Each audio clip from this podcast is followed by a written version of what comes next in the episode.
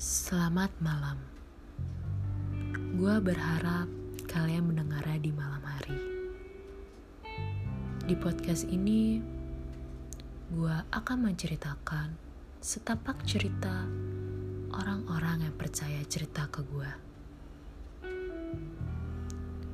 Mungkin bisa menjadi makna bagi kalian di kehidupan kalian selanjutnya. Siap mendengarkan?